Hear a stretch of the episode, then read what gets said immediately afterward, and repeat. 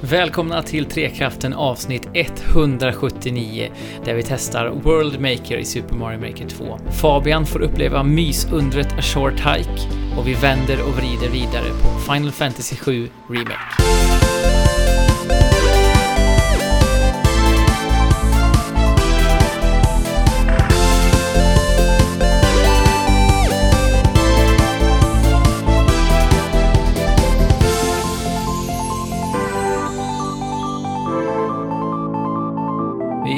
Är här igen. Jag var faktiskt på väg mot ett helt annat håll. Var på väg ut från huset, men så kände jag, jag liksom blev svept tillbaka till micken och datorn av någon okänd kraft som satte tillbaka mig. Nej, här ska det vara i Trekraften avsnitt... Vad har vi?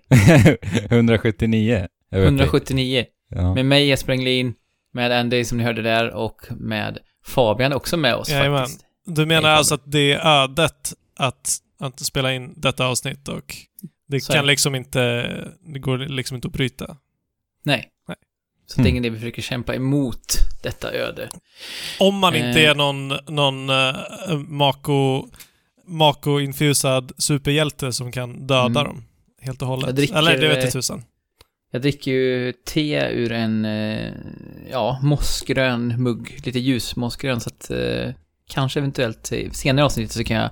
Så om, det, om avsnittet avbryts plötsligt och det bara händer ingenting mer, då kan det vara att jag har fått eh, makokraft. Och du har Eventuellt. dödat. du har dödat dementorerna. Jag, vem är det? Jag vet inte vem det är jag dödat i så fall. Nej. Eh, eller vad. Nej, det, Ja, det här- vet vi väl ingen i det här Nej. läget riktigt. Det här kan ju framstå som väldigt förvirrande om man inte har spelat Final Fantasy 7 Remake. Eh, eller Mm. Remake, som jag väljer att kalla det. Eh. För att det låter mer japanskt.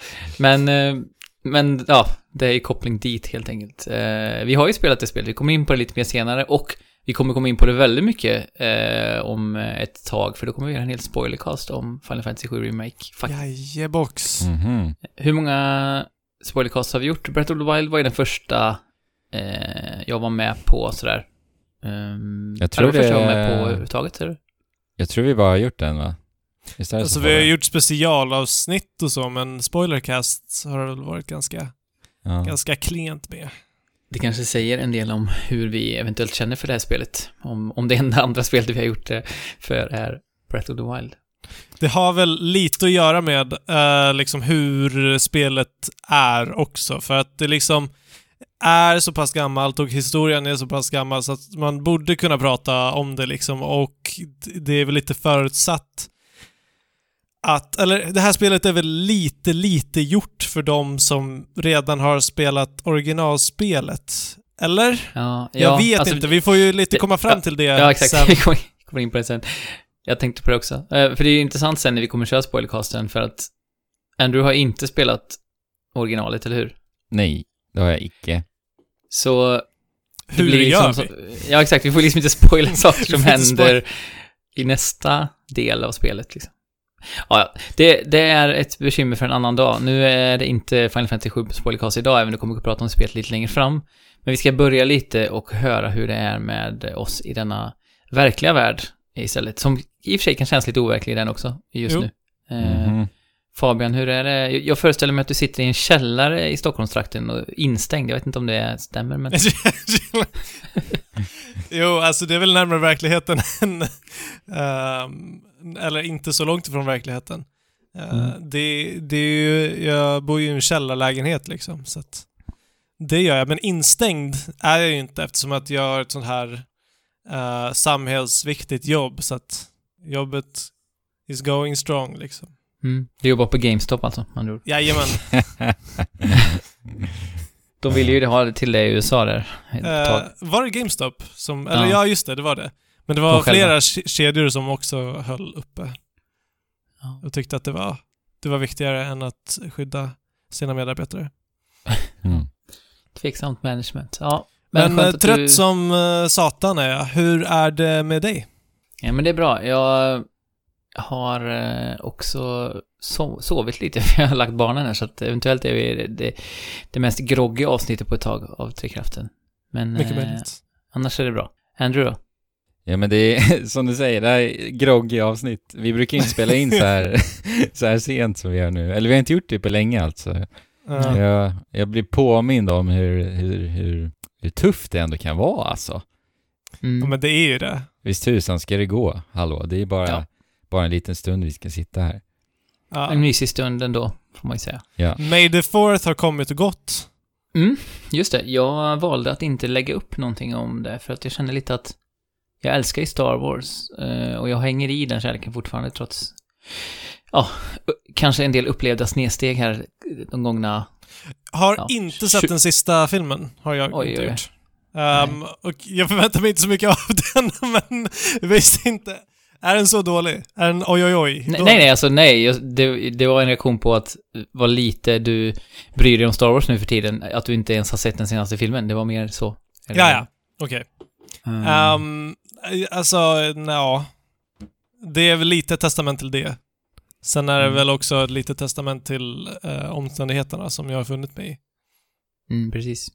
Vilket är det bästa Star Wars-spelet egentligen, för er? Oj.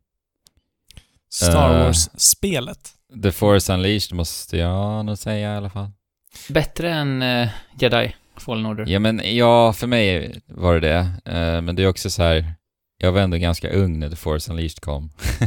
Och, alltså det var så eh, coolt då. Ja, det var så ball liksom. Jag hade aldrig sett ett Star Wars-spel på det sättet som när det kom. Och jag minns ju att det spelet använde sig av Rockstars fysikmotor, Euphoria. Och det var ju så himla häftigt alltså, i det spelet. Annars låter det ju som Rockstars fysikmotor är ju kanske mer ett skällsord i mina ögon än vad det är positivt om den. Men, Ja. Men det var ändå revolutionerande med GTA 5. Faktiskt. Eller 4 var det ju. GTA 4. ja, jag ska inte säga något, jag har spelat kanske en kvart av GTA 4 så jag ska verkligen inte Ja. uttala mig. Men jag tycker, eh, jag, jag gillar ju Jedi Fallen Order som är bekant. Eh, men jag tyckte också att eh, Star Wars, som det bara heter, till eh, NES var väldigt bra. Mhm. Eh, NES. SNES. Ja, NES ja. NES. Ja, NES. Vad heter det Det då? Star Wars bara? Eh, ja, det är Star Wars, för Super Star Wars heter ju det som är till, Ah, till just SNES. det. Ah, Eh, okej. Och eh, ja, super diverse andra Star Wars-spel på Nintendo, eller på SNES. Men eh, ja, på right. NES var det, ju- fick man ju spela faktiskt eh, som Leia bland annat och man fick, ja, eh, flyga, speeder och massa olika grejer. Så jag tyckte det var riktigt eh, välproducerat faktiskt. Jag minns redan då att jag tyckte att det här är liksom förvånande bra för att vara ett spel som är baserat på en film. För då, Mm. redan då var man ju van vid att det Vilken film dåligt. var det då? A New Hope? Ja, det var ju, det är original, ja precis. Mm. Fyra. Mm. Okej. Så det kan jag rekommendera. Nej, det kan jag nog faktiskt inte göra nu, men en väldigt cool detalj är ju att de står likadant i hissen som de gör i filmerna. Alltså när de kliver in i en hiss i spelet. Vänta, hur står de då? Nej, men Luke står ju alltid så här lite bredbent och så håller han... Har Eh, de en hisspose genomgående? Alltså, Ja, ja. Eh, han står liksom och håller ena handen... Ni vet den här knölen man har på handleden? Han Ja. håller liksom över den med den andra handen. ah, just det. Och så står han lite bredbent typ. Ah, lite så här Ja. högtidligt på något sätt. Ja, exakt. Den eh, posen hade de med i spelet. Det, det, kommer jag ihåg, det fastnade väldigt hårt. Vilken... Vad coolt! de står likadant i hissen. Ja. Man fick glädja sig åt det lilla på den tiden. Jo, Ja. här. Men eh, nog om eh, Star Wars och eh, den 4 maj, för den, det, som du sa, som ni sa, så har vi den bakom oss Ja. eh, nu. Eh, och personligen tyckte jag att april, det, det känns som en sån här gubb, gubbsak att säga, men det känns som att april fanns typ inte. Det var bara borta. Eh, nej, ja. De- Men det har verkligen bara eh, försvunnit i, i kaoset. Ja, precis. Jag skulle typ döpa om april 2020 till Animal Crossing för mig alltså. Faktiskt. Man har levt sitt liv där. Men Ja. om den här världen är lite konstig just nu så kan man ju med fördel numera skapa sig sin egen värld faktiskt i Super Mario Maker 2. Ja. Ehm, I och med World Maker-tillägget ja. som du har testat den. Och det är ju hett efterlängtat det här med att man kan göra overworlds som kopplar samman sina banor.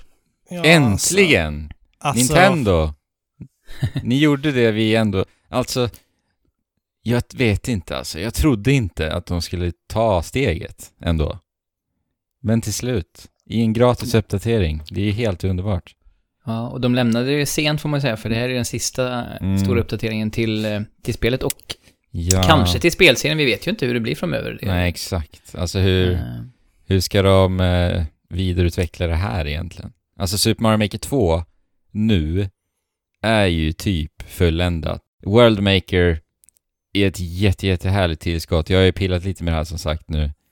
Men det är inte kanske exakt så som du vill att det ska funka. Alltså det är väldigt, väldigt begränsat. Men mm. det fyller ju ändå sitt huvudsakliga syfte. Och det är ju att du ska kunna skapa liksom en enhetlighet i alla dina banor. Du ska kunna, Mm. du ska kunna skapa en liksom dramaturgi om man säger genom alla dina banor som du har skapat. Du ska kunna lära ut saker inte bara på en bana utan på en hel värld nu till och med och så vidare. Så att alltså så sätt så är det ju helt otroligt härligt att ha det. Men Ja, verkligen. men, Men det, är men det är för- fortfarande... Nej men just eh, världskartan, är, där är ju inte jättestor frihet till vad du faktiskt kan designa och hur du kan få världen att... Rent estetiskt, eller? Rent estetiskt. Och du ka- kan ju exempelvis inte skapa alternativa utvägar på banorna som leder dig till en annan del av kartan och sånt där. Utan det är Nähä. ganska linjärt. Men hur... ja, det känns ju som en lite missad... Men hur är det, kan man eh, använda olika teman, alltså säsongsteman på övervärldarna? Ja, det kan man. Det är åtta stycken olika, så det är samma som är när du är och eh, skapar egna banor också. Ja, det är skönt i alla fall. Man kan ha lite vinterfeeling. Men det är ju bara Super Mario World-estetik i World Maker. Så du kan ju inte göra en övervärld i 3D World-stilen i Super Mario Bros och så vidare. Men banorna Okej. kan skifta olika stilar, väl? Jajamän. Ja, tänkte väl. Annars hade det varit jäkligt begränsande. Ja, jo. Men om du skulle lyfta fram de sakerna som du har liksom haft roligast med hittills av de nya tillskotten till spelet. Ja, så det kommer ju en hel drös olika nya föremål också nu med eh, 3.0-uppdateringen. Jag skulle säga det finns en Bullet Bill-hatt som är jätte, jätte, jätterolig verkligen i 3D World-stilen.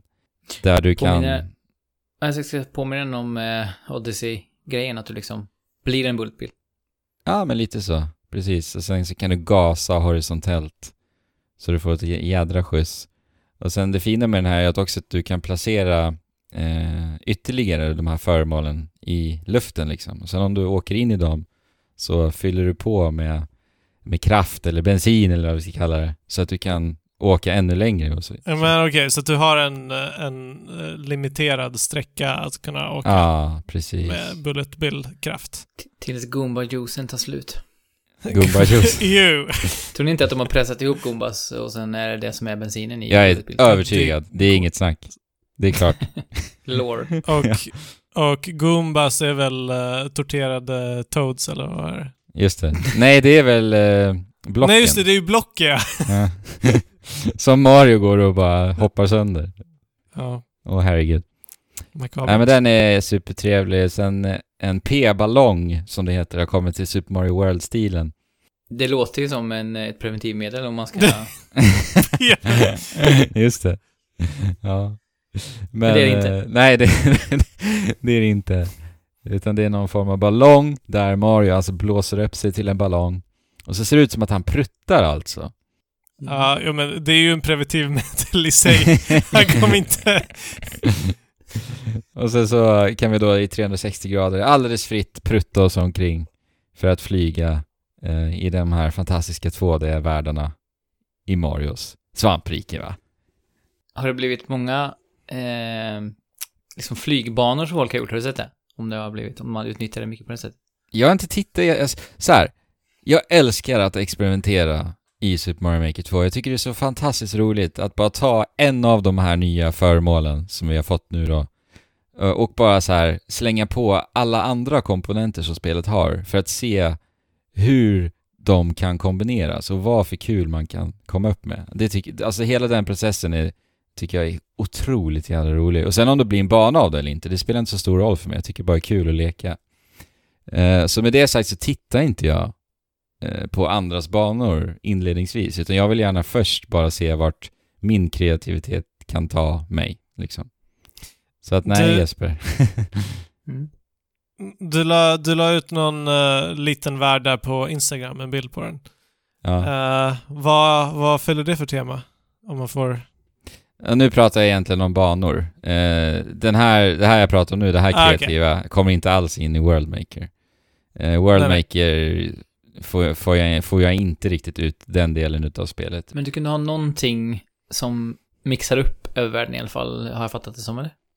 Det finns ju lite så Toad-hus eh, som vi har sett i tidigare Mario-spel och sen finns det också eh, lite rör som kan göra att du ploppar upp på andra platser och sådär. Men mycket bra och mycket nytt i eh, Super Mario Maker 2, men någonting som Mm. vi har pratat om förut som eh, de har tappat bollen lite med är ju just att, eh, ja men det här är sista större uppdateringen. Alltså det sista Ja. liksom, rejäla som händer med spelet och det, det sätter ju lite en blöt handduk över det på något vis. Jag tycker det är lite synd alltså. Bara, bara vetskapen om att det är den sista tycker jag gnager lite hos mig. Eh, och jag har ju tänkt på det här, eh, hur de har liksom hanterat uppdateringarna till Super Mario Maker 2 nu när jag har fått den absolut sista. För de kallar det ju the final major update, så det tyder väl på att det kanske kommer i alla fall någonting litet då framöver. Men, men det är ju just det här att, eh, att jag hade nog i retrospekt velat se mera sporadiska uppdateringar. För att jag inser ju eh, personligen så här, när jag får så mycket på en gång som vi har fått nu i de här uppdateringarna som har kommit så blir jag ganska överväldigad. Jag pratar ju här om att jag älskar den här processen av att ta en mekanik och experimentera in i det sista med dem. Men när jag får så mycket på samma gång så blir det nästan överväldigande. Det är lite som så här med fightingspel. Jag tänker, jag tänker när jag får en ny karaktär till Smash. Jag älskar när jag bara får en lite då och då. För då tar jag, eller jag ger karaktärerna all min uppmärksamhet och verkligen går in i och ser eh, vad det har att erbjuda mig och sådär. Och jag tror verkligen att det hade gjort sig sjukt bra med eh, Super Mario Maker 2. Och jag tror också att det hade varit bra för communityt. Mm.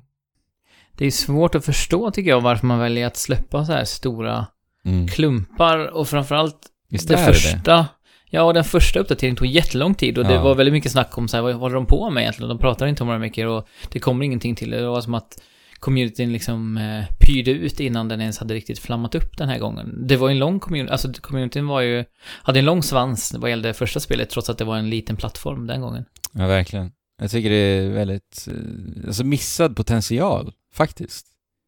För Mm. det, det känns som ett så självklart sätt att, att eh, hantera ett sånt här typ av spel, tycker jag. Jag vet inte. Men eh, nästa steg, vi vet ju som sagt inte, nu känns det som att det är svårt att göra någonting radikalt annorlunda med ett 2D-spel, så att om det nu blir ett Super Mario Maker 3, då lägger man kanske bara till ett D därefter, eller? Åh herregud. Ja, det blir väl mycket arbete hos, hos eh, Big N där för att få det att funka. Men, Ja, det ska ju vara liksom så här in, intuitivt så att alla Exakt. kan göra det liksom. Exakt. Eh, och bara saker som kamera och så i 3D är ju något helt annorlunda än Ja. 2D. Men det hade varit jäkligt häftigt alltså, Mm. ändå. Någon gång så ser vi nog det, men det kommer nog dröja. Ett... Ja. Det kanske dröjer tills Nintendo släpper sitt eget VR-headset så att man enkelt, ni vet, kan här, sätta ut saker Ja. i VR med händerna liksom. Ja, och ploppa ut saker i en 3D-miljö. Exakt. Det, Mm. det, det, vi får nog vänta till, i alla fall tills den, den tekniken finns. Vilken, vilken lekstuga det hade blivit alltså. Verkligen. Men som, som vi säger, dit är det nog kanske inte någon en kort sträcka. Däremot, Fabian, så har du avverkat en kort sträcka uppför ett eh, himla göttigt litet berg. Jajamän. Eh, Men eh, jag, jag måste bara fråga, en snabb fråga till dig Fabian, innan här. Jag vet ju att du har ju inte spelat Super Mario Maker 2. Nej. Gör. World Maker-uppdateringen här nu dig ytterligare lite sugen? För jag vet ju att du var sugen på spelet när det begav Alltså jag sig. var riktigt sugen. Men, Eh, ja. Va, var vad händer det. nu? Vad händer nu hos dig då? Men jag vet inte, det är lite så här. eh, jag har Animal Crossing och jag negligerar Animal Crossing, vilket jag, vilket jag mår dåligt över att jag gör. Ehm, om jag skulle skaffa Mario Maker 2 nu så, så känns det som att jag också skulle negligera det och det skulle liksom lägga på, på pannkakan. Ja, jag förstår. Mer pannkaka. Eh, men alltså Super Mario Maker 2 är ju ett essentiellt spel att ha till switchen. Jag vill ju i teorin i alla fall väldigt mycket ha det. Ja. Ehm, men vad säger, alltså är det värt att skaffa? För att som, som sagt, jag har inte hört någonting om liksom communityt. Mm, alltså jag skulle säga att det är som mest värt att skaffa det nu på grund utav Worldmaker. För att det är ju verkligen ett tillskott som jag har velat se sedan begynnelsen utav Super Mario Maker. Det är inte perfekt implementerat, men det fyller sin funktion. Verkligen. Så att Ja, jag men- tycker att ja. absolut. Det är nu man ska spela Super Mario Maker alltså. Och jag tror ju inte att communityt kommer ju inte att dö. Det kommer, det kommer inte sluta komma banor till Super Mario Maker 2. Men visst, Nej. det, det är väl inte uppblossats på det sättet som, som det kanske skulle kunna ha varit. Men Ja. Ja. Vi kan göra så här Fabian, jag har ju ett ex av eh, Super Mario Maker 2 hemma. Ja. Som inte används eh, speciellt mycket. Jag har också dåligt samvete över det, så att eh, I feel you. Men Så jag vill Jag bli av med det. exakt, jag kan skicka det till dig under förutsättning att du ser till att Alex skickar, eh, vad heter det? Ring Fit Eh, Adventure. Ring Fit Nej Adventure men till mig. nej! Jag ska ju ha det. Oj! Ja, det här får vi nog reda ut eh, Ja. på något vis. Vi, Ja, eh, ni kan okej. rösta i, på Discord eh, hur vi ska göra. Vem- ska ha? ja. Jag tror att Ja. de kommer nog begära en livestream utav Ring Fit Adventure oavsett. Ja, Mm. vi Ja. kanske kan ses på neutral mark och köra tillsammans på. Vi, ja. Ehm, vi, vi, vi tar det utanför. Vi, vi gör upp utanför. Precis. Ehm, ja, om allt gör vi upp utanför så kan vi gå vidare här i Mm, vi gör upp utanför, det låter som en sån här grej man säger till någon på ett, eh, på en nattklubb. Vi gör Om utanför. man är osams. Om Ja, man är osams. vi gör upp. Ja. Precis. Och därifrån den där nattklubben och slagsmålet så är steget faktiskt oerhört långt till A Short Hike som jag försökt leda in på tidigare. För att Ja. eh, finns det något spel som är mer harmoniskt än A Short Hike så har jag i alla fall inte spelat det hittills. Ehm, det var ju någonting som Alex tipsade oss om tror jag förra året han hade spelat. Och eh, jag blev ju eh, fullständigt förälskad i det här spelet. Och vi har ju pratat väldigt gott om det innan du... är bara så här. Jag, jag har inte hört vad ni har sagt om det, men Nej, jag visste ju att du väldigt gärna ville spela det. Vi Mm, pratade ju om det här spelet i eh, årets spelavsnittet ju. För Ah. 2019. Ja, det var nog årets spel för mig förra året om jag minns rätt. Eh, Vi, vi utser inte riktigt en etta, men om jag hade gjort det så hade det nog varit Short Nej, men väl, väl förtjänat alltså. Det är ju bara kärlek eh, från, från, från första steget på Mm. den här lilla på den här lilla turen. Och jag ska inte bli, vara långvarig eftersom att det redan har pratats mycket om det här spelet. Men jag vill bara än en gång liksom poängtera att det här är eh, skärm en, och lite likt så här Celeste, att det har lite så här eh, eh, verklighetstyngd Mm. eh, inbroderat i hela eh, upplevelsen. Ja, och det beror ju helt och hållet på manuset och dialogerna i princip. Precis. Exakt. Och Eh, det känns ganska naturligt att ta det här steget från, för att eh, djuren, alltså A Short Hike, alla är djur, likt i Animal Crossing i princip. Så att på Mm. ett sätt så känns det här lite som ett liksom Animal Crossing eh, Äventyr. minispel, äventyr. Kanske lite så här Animal Crossing för de som växte upp med Animal Crossing och nu vill ha något lite så här, jag vet Vuxnare. inte, mo ja, Jo, precis. mognare är nog fel uttryck, men vuxnare, alltså på något sätt lite mer allvar än Animal Jo, jo. Crossing på något vis. Det är inte bara Dalli, Dalli, Dal, nej inte daltande. Det är inte bara allting i frid och fröjd och så, som det är Animal Crossing på samma sätt. Och just en kortare upplevelse då. Och inte Ja. 500 000 Nej, okej. timmar. På många sätt så skiljer det sig, men det känns än, ändå på många sätt väldigt bekant också i... Ja, och det eh, känns ju som att det har tagit mycket inspiration ifrån det vad gäller estetik Det tror jag verkligen. Ja, och, verkligen. eh, och liksom, bara att du väldigt tidigt får en spade och, och på vissa ställen som du kan gräva ser precis ut som i Animal Crossing och att alla är djur eh, och så vidare. Men alla, alla djur som du träffar på den här lilla ön har så, så mycket personlighet. Så att, Mm. Alltså det bara osar personlighet. Och, Till och med den här eh, shady snubben som säljer de här eh, golden feathers som man behöver för att ta sig uppåt. ja, Framstod till en början bara som, som ett, eh, litet asshole Ja, exakt. punk liksom. Men sen får man ju hans backstory lite mer och mer för varje gång man träffar honom och sen, sen till slut så leder det till att man känner att man Ska vi... Ja. Ja, vi ska inte spoila, men, men att han, han, eh, man tycker mycket, man tycker synd om honom till slut, eller så här, man känner för honom på ett sätt som man inte trodde man skulle. Ja, verkligen. Um, men jag vill bara så här vädja till, till alla som lyssnar här att på Steam, uh, jag köpte det för typ så här 40 spänn. Det var nedsatt. Jag vet inte om det fortfarande är det, men det är i vilket fall inte dyrt överhuvudtaget. Och det är heller inte långt om det är ett problem. Det här eh, har ni säkert redan sagt, men med tanke på hur det är paketerat så, så är det nästan en eh, spelares skyldighet att spela det här spelet. Mm. Det är lite, det är lite journey-grej liksom, att det är en sammanhållen eh, upplevelse som man bör ha spelat om man verkligen liksom, ja, vill ha någon slags milstenar i spelhistorien. Eh, det är ju väldigt stora ord, men jag tycker, för min del är det så. Jag tycker det visar verkligen vad en så här kortfilm kan vara i spel. Exakt. Och det är inte, man behöver inte spela mer än en timme. Sen så kan du få ut säkert så här två, tre timmar, men, men det behöver inte vara längre än så liksom. Och det är helt fantastiskt att få en liten sån här, alltså, jag, jag kan inte minnas något spel som jag spelat i det här formatet på det här sättet som har varit så, eh, så, så bra. Helt enkelt. Men alltså att spela Short Hike för mig, minns jag, eh, kändes lite som att lyssna på ett album typ. Alltså Ja, för att... ja, att för mu- musiken är ju helt magisk också. Alltså Ja. hela estetikpaketet är bara... Ja, verkligen. Och eh, lite samma med Gris eh, faktiskt, det spelet.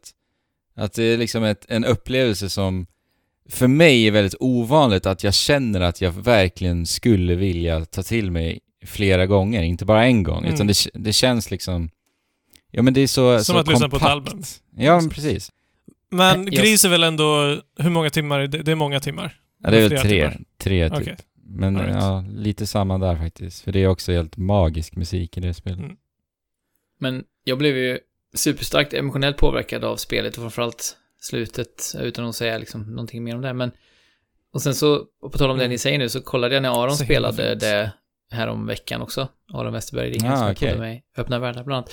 Och eh, han streamade på Öppna Världar, vår Twitch-kanal där. Och Mm. då eh, såg jag kanske sista 45 minuterna, det är ju nästan Ja. hela spelet då. Eh, och då, eh, alltså då eh, började jag i princip gråta igen när jag såg honom spela slutet, eller liksom, ja. Mm. Ja. Och det är helt otroligt, jag vet inte om något spel har påverkat mig på det sättet förut, och speciellt när man vet, vet vad som ska hända Nej, sådär i arken, Nej, och ändå precis. så blir jag Exakt. lika påverkad igen. Men det är det, det är nog där också lite så albumkänslan kommer in. Att du hit, hittar nyanser eh, på a- flera genomspelningar och så vidare. Och att Ja. man, just att vetskapen om, som du säger, så här, man vet vad som ska hända, då hittar man så mycket mer. Känner du att du ska ta av dig vandringskängorna nu Fabian, eller någonting mer du vill säga om Short Hike innan vi går vidare? Nej, alltså... Finns det något mer att säga än att det är alla spelares skyldighet att spela det spelet? En tydlig markör. ja. Ja, nej, jag tänker bara på det här med antropomorfa djur. Eh, det är ju någonting som jag också har bekantat mig med lite grann. Jag ska bara säga lite kort, för vi kommer komma in på det mer i nästa avsnitt antagligen. Men jag har ju äntligen, äntligen i alla fall ehm, tagit med Night in the Woods, som jag har tittat Mm, på sen ja. det släpptes i princip. Eh, och det är ju av samma anledning eh, som jag pratade om här, eh, Short Hike, det vill säga att ehm, dialoger och, och manus är liksom i första rummet. Mm. Även i eh, Night in the Woods. Och där är det ju, ja, man spelar ju May som kommer hem misslyckad ifrån college. Man vet inte vad som har hänt, bara att hon har hoppat av. Och ehm, kommer hem till sin li- liksom halvdöda småstad. Jag känner igen mig i, det, Mm. i den flytten. Ehm, och så då ska förhålla sig till att komma tillbaka och de gamla vännerna är kvar och eh, hon har också någon ryggsäck på något vis. För alla hela tiden säger, ja men vi, den där grejen som hände. Antingen så säger de typ så här, ja vi vet, vi, vi har inte glömt det liksom, tror inte att vi har glömt det. Eller så säger någon så här, ja ja men det där är historien. Så De pratar hela tiden om någonting som har hänt som verkar vara rätt dramatiskt och Ja. allvarligt som hon har orsakat. Men man, jag, ännu vet jag inte, jag har bara spelat ett par Oj. timmar. Jag men oj, jag vill också spela det här. Ja, och eh, det är också så här, alltså... Har ni sett Juno någon gång? Den då? filmen? Nej. Juno, den filmen. Juno. Med. Michael, Michael Cera och... eh, är det Ellen Page? Jag är osäker. Ja, ja. Eh, det är en indie-komedi från typ, jag vet inte, 2006 kanske? Inte Jag sett den. Den är fantastisk, den borde ni se. Jag Okej. tyckte den var fantastisk när jag såg den i alla fall. Eh, Little Miss Sunshine, har ni sett den? Ja. Ja, det är lite samma stuk på dem. Mm. Eh, Nice. Det är alltså lite så här... ehm, Ja, det är lite han West ja. End, Som du sa. lite West Andersonskt. Eh, lite sådär avmätt, väldigt mycket så här... eh, ja men typ tidig 20-års ålders amerikanska, eh, ni vet lite så här avtrubbad, den känslan hela tiden att hon har den jargongen med, och hela världen är, är så lite grann att så här, eh, ja men ni vet lite så här nonchalant avvaktande, bakåtlutad, rycka på axlarna, Ja, eh, amerikanskt sådär.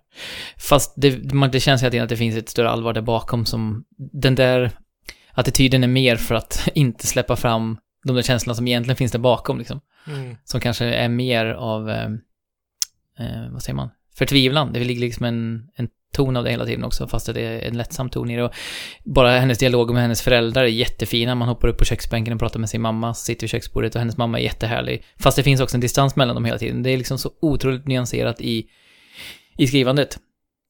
Eh, och så är det ju estetiken jättefin. Det är liksom väldigt stora karaktärer och det ser ut lite som, ni vet så här. Greta har en lampa från Ikea, en lampskärm från Ikea där det är typ så här rävar och det är så här vimplar och sånt. Alltså det, man Okej. får ju den känslan av liksom eh, ett modernt barnprogram som är eh, gjort på ett sätt som är lite så smakfullt liksom. Ja, Eh, och det är väldigt så raka, tydliga geometriska former och eh, det är också fint för det clashar liksom med tonen i sig på ett medvetet sätt att så här, det ser ut lite som ett eh, ett fint dockskåp liksom. Eh, men de underliggande temana är ju liksom ja, psykisk ohälsa och andra saker i den i det häradet. Så att, ja, jag ser verkligen fram emot att spela vidare. Eh, musiken är också jättefin, eller bra liksom. Den är lite short hikig på det sättet att den är ehm, man känner, känner mer att så här, här är en, eh, en musiker som tolkar någonting än så här, det är någon som har skrivit musik till ett spel som ska passa i, i spelsekvenser liksom. Ehm, så det, det är ju lite av ett så här, ja men, konstverk så. Mm. Ehm, på samma sätt som en short hike kan kännas. Spelar du på Switch eller? Jag spelar på Switch. Ja. Eh, jag, har, jag har spelat på TVn faktiskt. eh, för Ja. att jag tycker att just grafiken och färgerna och sånt eh, förtjänar att slås upp på en 4K-skärm. Mm. Eh, så, men det funkar ju skitbra att spela på. Jag har spelat lite handhållet också. Det flyter ju på. Det är ju... Ja, men, men spelandet är liksom lite walking simulator. Ja, förlåt, jag har inte ens beskrivit hur det ser ut. Jag, jag hamnar alltid i att beskriva känslan snarare än det faktiska hur det ser ut. Men ja, det är två, det är två d Jo, jo. Eh, man, eh, Ja. Och sen är det då, ja, vad ska man säga, lätt plattformande är väl eh, det som är spelmekaniken så här långt. Och sen vissa saker du kan interagera med i någon slags första person. Du sträcker fram en tass och tar på saker liksom. Mm. Ehm, så att, eh, ja, lätt uh, sidoskrollande plattformande är väl det som det gör. Ehm, men det är ju mer likt till exempel eh, eh, 1980X i liksom att mekaniken är inte så viktig utan det blir mer ett Mm. föremål för storyn att berättas. Ja, men så länge det inte är liksom eh, all, som en walking simulator som, som mm, har gjorts i många, väldigt många iterationer vid det här tillfället. Nej, Så. du rör dig fritt i den här miljön. Du kan ju gå fram och tillbaka eh, i, i den här staden. Så, Ah, ja, nice. ja. Och så kan du spela bas, hon är basspelare också, så det kanske ni, eller framförallt den i- eh, tycker om. Mm. Oh. Så det finns lite olika låtar man kan spela där. Mm. Men eh, mer, mer om Night in the Woods framöver som sagt. Jag tror att storyn kommer vara den stora grejen och då kommer den ju nystas upp och bli mer eh, intressant allt eftersom. Jag känner ju redan att den är, har mig, har klorna i mig. Ja, trevligt. Pun intended. Ja.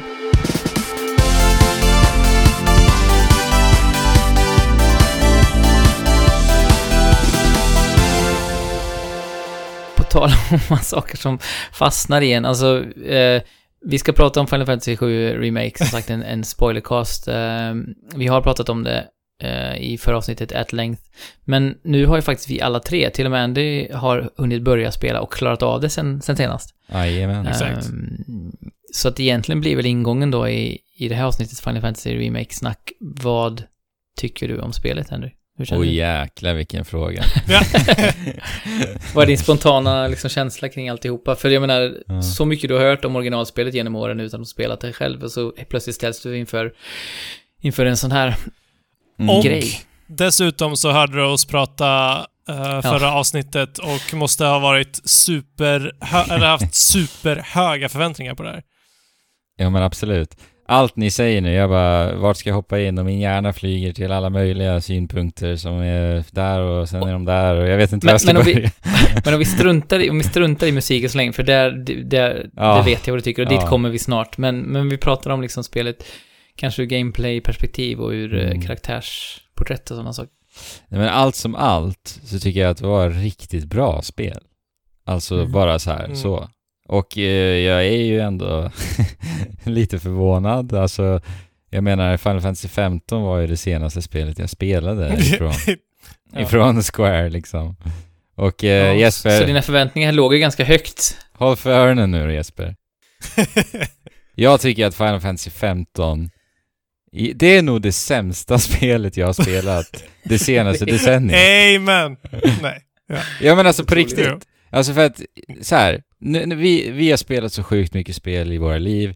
Vi kan ju ändå titta på spel och se, ja men här finns det kvalitet nog för mig att faktiskt ta till mig den här upplevelsen. Det kan vi ju göra. Alltså det är ju sällan vi spelar spel som är dåliga. Det händer ju väldigt, väldigt sällan. Ja, jo, Men, men Final Fantasy 15, det var ett dåligt spel. Det var det sämsta jag har spelat. ja, men jag är beredd att hålla med. Och alltså, jag tog mig igenom det. Och jag ångrar den tiden.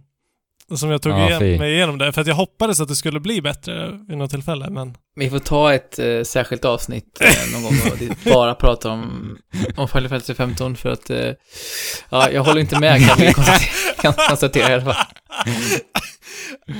Ja. Den stora sticking pointen i Trekraftens... eh, Oj. ja, det är verkligen det. Hur, hur, känner, hur känner du efter att ha fått höra de här, alltså, bombningen?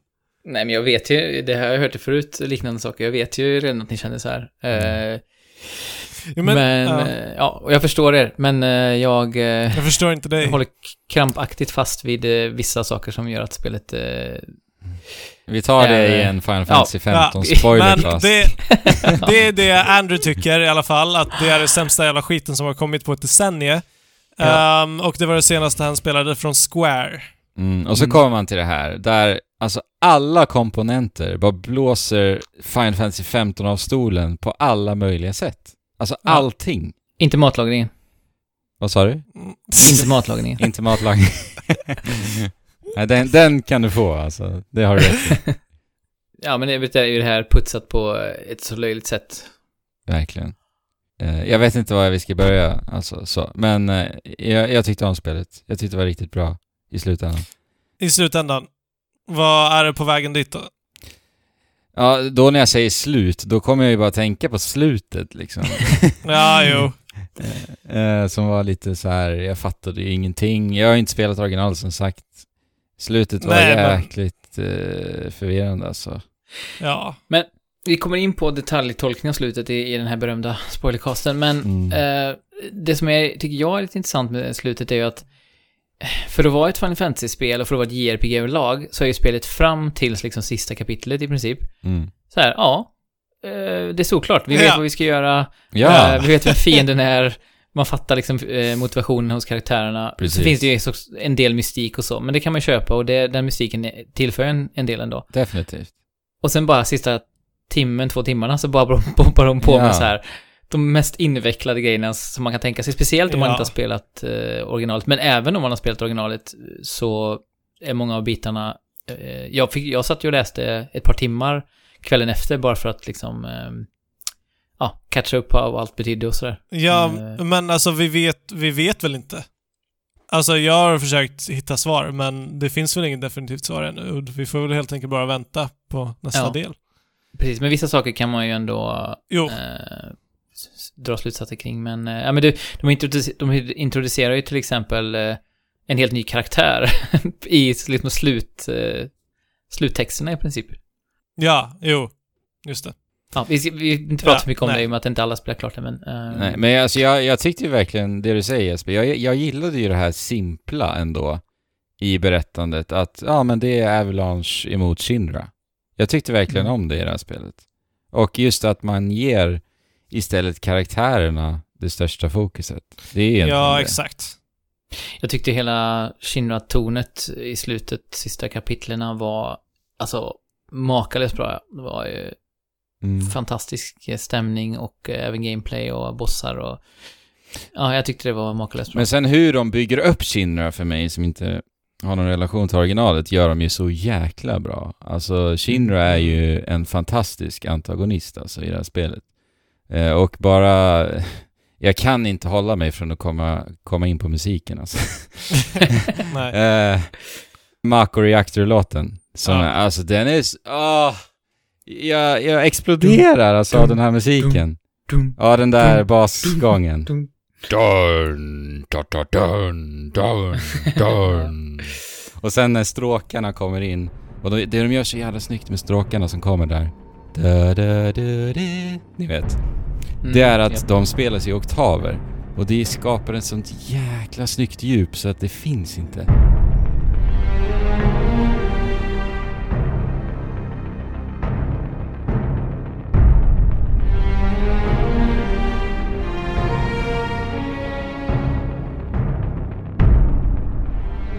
Och just den här eh, olycksbådande känslan den här låten ger, den ger verkligen en Mm. känsla av att du ska respektera Shinra. Det är någonting väldigt, väldigt tragiskt som väntar. alltså det, ah, det är så fruktansvärt bra hur de bygger stämning i det här spelet alltså. Och melodispråket är bortom den här världen. Alltså det, det, Det är väl Nobuo Matsu som har kommit tillbaka? delvis. Han är med, men inte bara liksom så. Det, Nej. Jag kollade på en intervju eh, så här behind the scenes innan spelet släpptes nu. Eh, och Nobuo Matsu var inte ens med i den, utan det var några undersåtar till honom.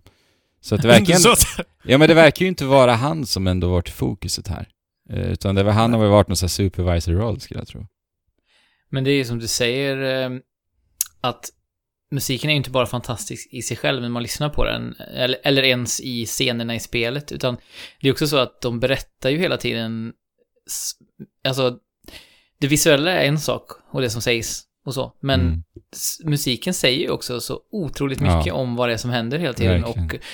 och eh, på ett sätt som jag vet inte om jag upplevt det nästan någon gång i spel. Alltså, och inte i den här volymen, för nästan genom hela spelet genomgående är ju varje scen så. Att ja, den här musiken är helt fantastisk. Och Mm. den berättar också för mig exakt vilken stämning jag bör befinna mig i nu i den här scenen. Mm. Ehm, Ja men en av mina favoritscener i hela spelet, det är en liten scen när man eh, träffar på Aerith första gången.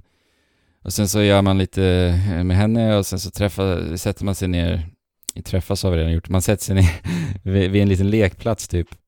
Eh, Ja. och så pratar de bara så här, väldigt mänskligt med varandra. Och den scenen är helt otrolig tycker jag. Och Mm. musiken som kommer då, som du säger nu Jesper, är verkligen med och så här i symbios med vad de faktiskt säger, berättar någonting så mycket tydligare. Alltså melodierna och musiken gör det så himla mycket mer tydligt. det är som en sätt. tredje karaktär, Ja. eller ett berättarröst nästan. Mm. Verkligen. Eh, och jag- på tal om dialogerna, det, det var ju någonting som jag i förra avsnittet nämnde väldigt mycket och jag tycker fortfarande det håller i sig. Både humorn och tajmingen där, men också att det känns så himla mänskligt och på, Mm. på riktigt. Alltså eh, dialogerna är på ett annat sätt än i något Ja. annat JRPG och även Ja, det är eh, alltså, från originalet. herregud. Ja, men verkligen. Och, Mm. Alltså på något annat sätt än vad spel brukar ha också. I många Ja. fall. Exakt. Och det överraskar en hela tiden, tycker jag, med just sin mänsklighet och, och även i de mest bisarra situationer på något vis. Så då är det ofta att karaktärerna själva också Ja, hur de reagerar på det liksom. Ja, precis. Att så här, vad är det här för sjuk grej? Alltså de liksom Ja. kommenterar på det själva som att, Mm. Som att det hade varit eh, Och just en själv i en... Och även regin där, alltså hur kameravinklarna faktiskt är regisserade. Det, mär, alltså det är ju så tydligt placerat där för att vi ska också tydligt se att de tänker så. Liksom. Det är väldigt ofta Ja. så faktiskt. Mm. Och Barrett är till exempel, eh, i Kina-byggnaden är det klassiskt att man måste hålla på och springa runt med massa keycards hela tiden ifrån originalet. Eh, och han säger ju det i, i, i det här spelet att så här, alltså varför måste det vara så otroligt komplicerat gjort för? eh, så meta kommentar verkligen. Ja. Eh, Men alltså, jag har tänkt på det här, jag vill bara snabbis eh, vad gäller musiken igen. Vad är det med japanska kompositörer? Jag vet inte. Det är ju någonting speciellt de har. De har ju Ja. det. Alltså för att Ja. om man tittar Eller- på typ amerikansk spelmusik eller typ Hollywoodmusik. Visst, det finns, alltså nu generaliserar jag här. Det är inte, självklart finns det undantag. Men det är någonting alltså med de här riktiga legenderna i Japan. Alltså de, jag vet inte. ja, men det är det. Det känns... Det är melodispråk, jag tror att det har med det att göra. Jag hade en liten diskussion med en, en Discord-användare. Och jag, jag kom fram i någonting i att de kan tala melodispråket. för, med risk för att bli lite flummig här, men alltså Men, de, de har den, den förmågan. Alltså att, för att melodier känns aldrig riktigt lika klockrena från annat håll. Om jag ska alltså du menar i Hollywood och så här eh, i, Ja. i, i Där- där am- känns- amerikanska, där, där är det verkligen mer... För att de sätta stämning. fokusera på att sätta stämning bara. Ja. Man ska inte tänka på musiken. Exakt, eh, generellt i precis. liksom Ho- Hollywood-dängor. Exakt. Men det är, väl lite, det är väl lite som berättarteknik överlag. Eh, det man ser till exempel i um, Ghibli, Kinna-filmerna nu. I Ghibli-filmerna. eh, jämfört med liksom motsvarande animerade filmer från USA. Mm. Att det är sånt annat sätt att berätta. Det finns inte det den här, är ja det. men det måste, det måste finnas den här liksom uppbyggnaden och point no return och bla bla, utan det är liksom ett annat flöde. Helt Ja, klart. precis. Helt klart. Eh, Alltså- det verkar som att det är nästan en kulturell sak. Mm. Ja, där åt andra hållet. Där i, I Amerika så är det, är det mer att saker och ting är up in your face mer ofta. Medan, medan från, den, från det japanska hållet så sätter de liksom saker, tenderar de att sätta saker i en större kontext som inte behöver liksom förklaras. Utan som får berättas allt eftersom liksom du, du får se interaktioner i världen som Mm. historien äger rum i. Ja, och det tycker jag som sagt att Ghibli-filmer är suveräna på för att Verkligen. Speciellt. Eh, ja, man får liksom en känsla och som bygger på som sagt en helhet och sen till slut så är du nästan en av, inte en av karaktärerna i filmen på något vis. Man liksom känner att man är där, man förstår, man förstår Mm. karaktärerna utan att det ja, skrivs och på det är näsan. liksom satt i ett större sammanhang som, som man bara liksom får... Som de bara implicerar till. Ja, och det är ju också, på tal om Final Fantasy 7, någonting som de gör, tycker jag, fantastiskt i det här med värld, världsbyggandet, för det finns ju en fara i att bygga ut Midgar så att man får se eh, hur stort det faktiskt är. Jag menar, i originalet så kunde man ju bara... En styrka i originalet var ju att så här, man kände att man var i en stor megastad, men man fick fylla i luckorna själv med fantasin. Eh, här är det ju visserligen så fortfarande en del, men det är fortfarande så att man får se stora delar av den. Och de har satt estetiken så grymt bra tycker jag på så många ställen. Eh, och bara det som till exempel då när den här dramatiska händelsen när, ja, det påverkas lite hur ens himmel ser ut om man säger så för att vara lite kryptisk. Eh, man kan titta upp där och se liksom bara hur miljön har förändrats. Den här miljön som man har sprungit och tittat upp på i timme efter timme är plötsligt nu förändrad. Mm. Eh, bara det inger en känsla av att en tyngd av vad som har hänt i spelet. Eh, på ett sätt som... Alltså, jag måste fråga för er som har en relation här till originalet. Det måste ju ändå varit ganska häftigt att kunna fritt panorera kameran och se den här plattan, eller? Mm. Jo. För att man såg väl allting uppifrån i... Såg man någonsin den här plattan i, i originalet, eller? Ja, man såg ju den liksom i någon slags isometrisk vy ändå. Ja, Eh, okej. En del. Men... Det är ja, absolut, jäkligt jag- mäktigt alltså, hur den ständigt bara hänger över en. Ja, Det var nog den vanligaste grejen jag gjorde i spelet som inte var liksom... Ja. som inte var, som inte spelet sa till den att göra. Ja. Jag hittade hela tiden vinklar och tittade upp på den, både före och efter den här situationen som jag nämnde. Häftig stad alltså, Midgar. Verkligen. Verkligen. Verkligen. Det- verkligen. Jag, precis som i originalet så känner jag att jag vill egentligen inte röra mig från Midgar. Jag vill bara fortsätta vara i Midgar istället. Mm. Eh, men, Ja, eh, nej, ja, vi, Ja. musiken är fullständigt jävla Jo, men- sjuk alltså. Okej, musiken, Eh, ja. Eh, eh, och jag vill bara säga, eh, också det här, jag tror att Erik snackade om det i förra avsnittet, hur dynamisk musiken är. För till exempel den här Mm. Mako Reactor-temat som jag pratade om, det är egentligen första uppdraget, visst är det det? Det är där den spelas va? Ja, det är det. ja. Eh, så är det så jävla snyggt för att de har ju spelat in många utav temalåtarna i spelet i massa olika arrangemang. ja. Och sen så alldeles sömlöst så bara byts det här i vad, och det reagerar på vad som händer i spelet. ja. För att sätta stämningen ytterligare. Alltså herregud. Det är så sinnessjuk detaljrikedom och så mycket arbete Så bara mycket arbete. Alltså, Ja. det är... Ja, jag, jag vet inte om de hade kunnat göra det här om, det inte, om stora delar inte var, var eh, redan skrivna. Nej, precis. Vad tror att det, jag vet inte. Nej men det är det som är så fantastiskt, man har fått gå ut, utgå ifrån ett av spelvärldens bästa soundtrack Ja. någonsin i mina ögon. Och sen bara 100% kunnat, nästan 100%, det är ju en del nytt också men till stor del kunnat fokusera på att bara så här, okej hur ska vi tweaka de här Ja. låtarna så att, Mm. så att de funkar i den här kontexten. Och det har de ju verkligen, alltså, ja, jag vet inte men- om det finns någon låt som inte känns bra, utan det är ju sån otrolig hitrate på, Ja, det på det här är- soundtracket. Det är helt fantastiskt. Det här är en av de Eh, och- bästa musiken jag har hört i hela mitt liv. Jag håller med. Och vill, alltså vi kommer, vill ni höra oss prata mer om soundtracket till Final Fantasy 7 så lyssna på Spoilercast, för vi kommer prata säkert Ja. en halvtimme om musiken där, eller någonting. För att jag har också väldigt mycket att säga om musiken. Men, ehm, ja, men för att avrunda snacket kanske då, vi, vi har väl mer att säga, men som sagt, vi kanske sparar det lite, men eh, Fabian, vi har ju liksom, en, en liten ark för oss här i Trekraften har ju varit eh, din eventuella återkomst till eh, kärleken till Final Fantasy och JRPGs. Och den har ju börjat verkligen på botten som en så här, nej, eh, en... Eh, du har förskjutit allt vad, vad det här heter och sen har du ändå fått upp något visst hopp för att försökt hålla motståndet när jag har hypat. Jo, Och sen jo. så har vi hört förra avsnittet att du liksom är ändå tillbaka i den här varma känslan. Hur känns det nu när du liksom ser tillbaka på, på spelet med någon, någon veckas perspektiv? Åh nej, det känns, det känns uh, ju bara bättre. Men, men om man ska sätta det i liksom det större sammanhanget i uh, är jag JRPG-frälst? Nej. Nej. Det här är ju ett unikum som det ser ut idag. Jag menar, vi kommer ju inte få ett spel likt Final Fantasy 7 Remake eh, tills nästa del, troligen.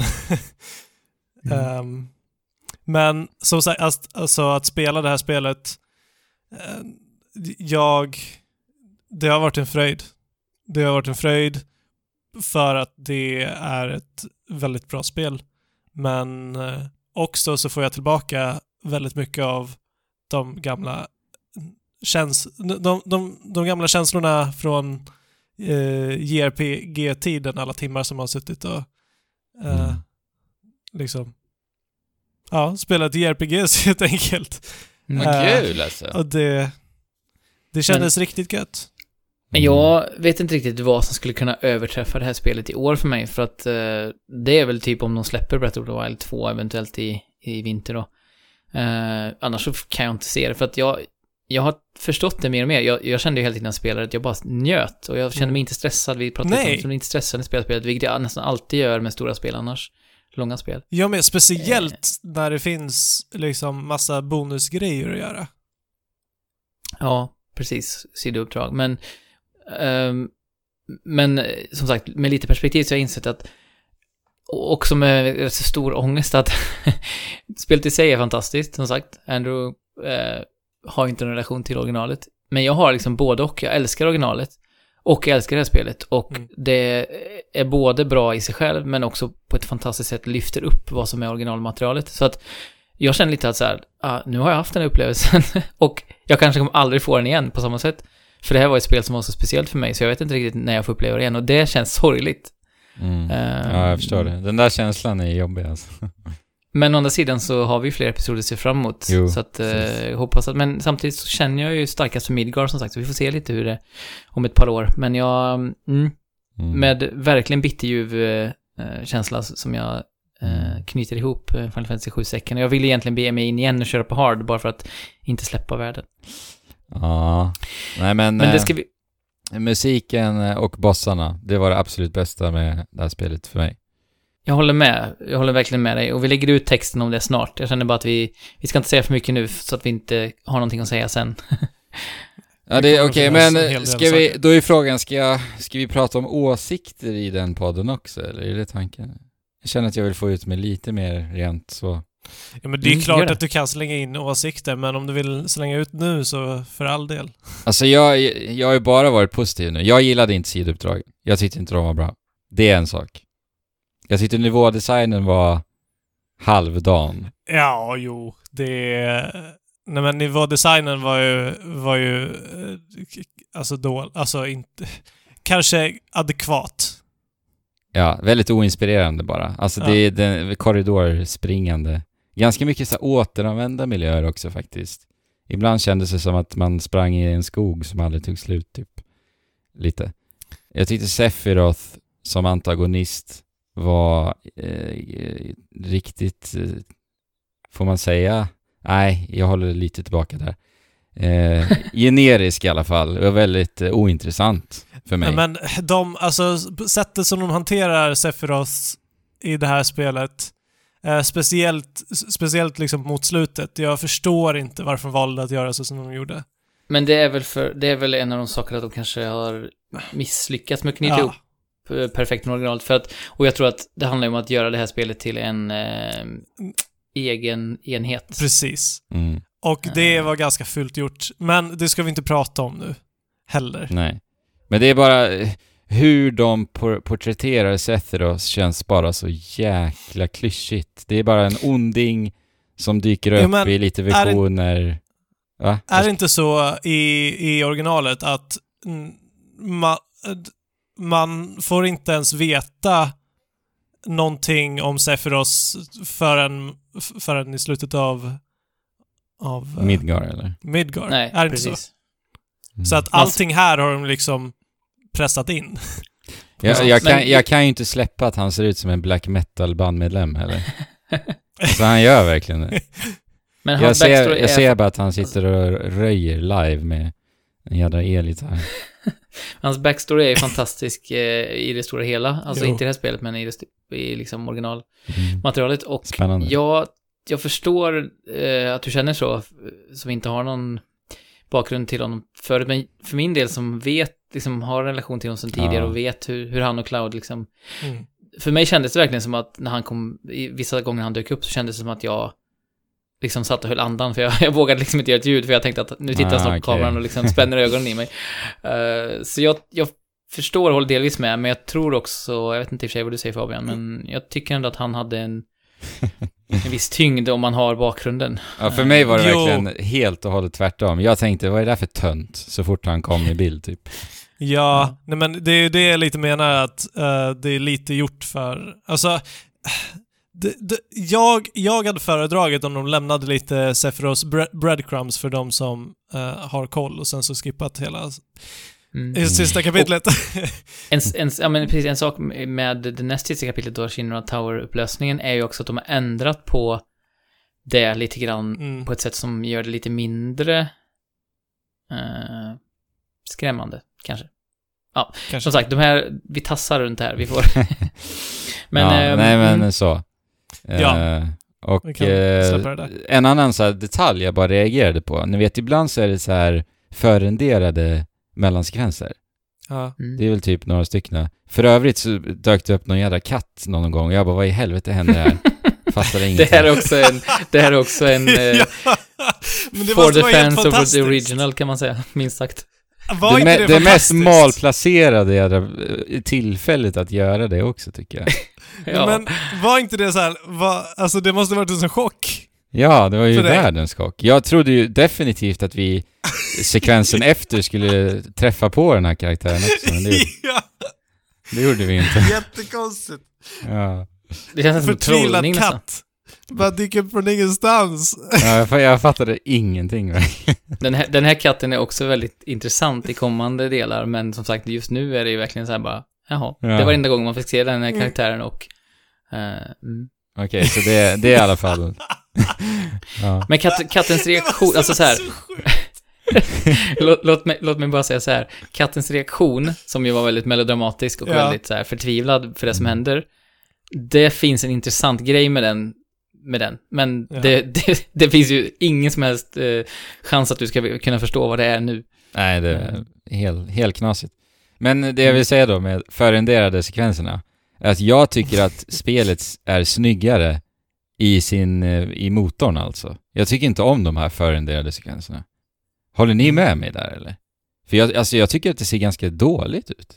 Jag vet inte vad det är. vill jag Ja men, ja men titta på Cloud. Okej, vad, vad bidrar de förrenderade sekvenserna med? Det är typ eh, lite vassare animationer. Men utöver det, typ ljussättningen som är helt fantastisk i det här spelet, den är ju typ helt borta i de här förrenderade sekvenserna. Jag tyckte Ja, det jag tyckte det skar sig alltså. Jag tyckte inte om Jag kan hålla alls. med om att jag ibland tänkte att karaktärerna såg lite, jag vet inte, eh, plastiga ut. Eller alltså jämförelse med hur de ser ut i motorn, där, där jag tycker de är helt 100% perfekta i Ja, jag, jag gillade inte Cloud alls i förrenderade. Jag tyckte han såg helt annorlunda ut alltså. Jät- Jättemärkligt. Ja, jag, tänk, jag tänkte också på det vid ett par tillfällen, att han, han inte kändes eh, riktigt som sig själv, Nej. faktiskt. Det var lite konstigt. En liten detalj. Eh, sen vill jag också bara säga, jag har skrivit här, jag har lite anteckningar. Jag har skrivit Road Rash. Mm. Ja. Det här är ju ett spel, ett riktigt bra spel. I det här riktigt bra spelet så har de också implementerat det bästa Road Rash-spelet sedan Road Rash. Och jag kan tänka mig att mot slutet så får du ju en encore eh, av Road Rush dessutom.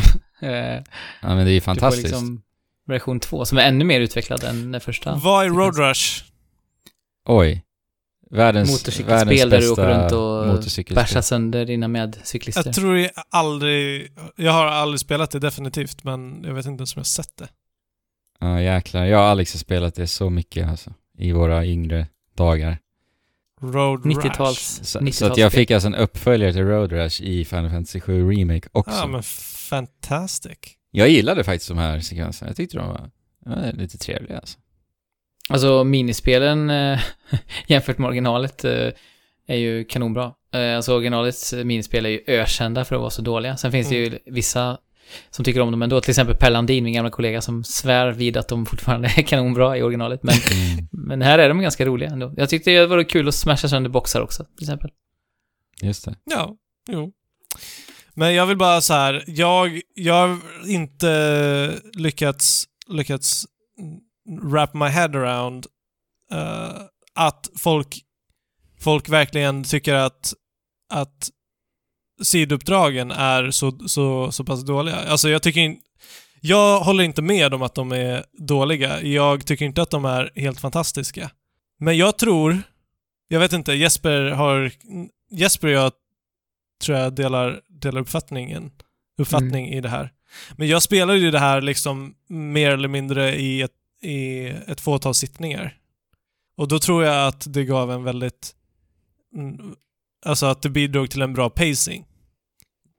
Jag, jag, jag, jag tycker väl för det första att många, utan att, ehm, vad heter det, göra ner din åsikt här Andrew, så tror jag att många, det känns som att många hakar upp sig otroligt mycket vid det. Att det är så här, ja ja, de är inte klockrena liksom, men samtidigt så tycker jag, som jag sagt då och skrivit, eh, är ju att jag tycker att det ger väldigt mycket att så här, bara traska runt. Och många Ja. av de här, så här konstiga sakerna, samla katter och sådär, eh, bidrar också till det här som jag tycker Final Fantasy 7 gör så himla bra. Alltså mixen mellan det tramsiga och det allvarstyngda. Um, ja men som Cloud liksom reagerar när man ska samla de här katterna på första den här hubben. Så är han liksom så här. Han säger ju typ så här. Oh, what is this shit ungefär. Han säger, jag tror han säger typ ungefär så. Mm. Ehm, så att på något sätt så är det ju återigen att de kommenterar det i världen. Sen, sen är det ju så här, ja visst, då gör de ett halvtråkigt Fetch Quest-uppdrag. Men det tar ju samtidigt typ fem minuter att göra. Så jag upplevde aldrig att det var så här, jaha, nu ska jag hit bort till andra Nej, änden av kartan. Utan jag tyckte att ofta att det var ganska korta. Och man fick lite belöning i form av någon boss, eller man, man fick lite dialog mellan Ja, karaktärerna. men i, i slutändan så liksom allting vävdes in i, i varandra. Jag vet inte om, om man tar alla upp, uppdrag en, en och en typ så blir det väl ganska långdraget men eh, så som jag spelar gick allting i liksom ett flöde. Men precis, det är det jag tycker också att i många spel så är det så här. Eh, det här sidouppdraget, du ska samla tio stycken sådana här monsterägg. Okej, då går du dit och gör det och så måste du kanske grinda. Här var det mer så här. Jag reagerade på det att, aha, här är ett spel där sidouppdragen känns som en del av spelet, Mm. men man kan också skippa dem liksom. Så Precis. jag kände mer att det var tätt eh, liksom kopplat till, till spelet. Så jag vet inte riktigt, vad var det du tyckte var så undermåligt med dem, Andrew? Nej men dels eh, aktiviteterna som ni pratar om.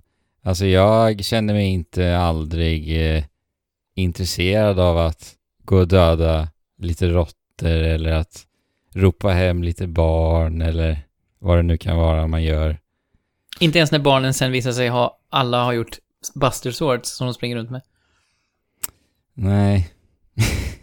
Det var en sån här detalj som jag bara kände att, ja, det, är ju, det har så mycket hjärta. Nej, men, och du tar ju upp liksom de, eh, de några av de få, några av de få och liksom tradigaste sidouppdragen. Men, men till exempel som det jag tipsade dig om, jag vet inte om du körde det, men eh, det här eh, Subterranean Menace, eller vad heter det? Ja, det var Behemoth. Ja, Monstret? Ja.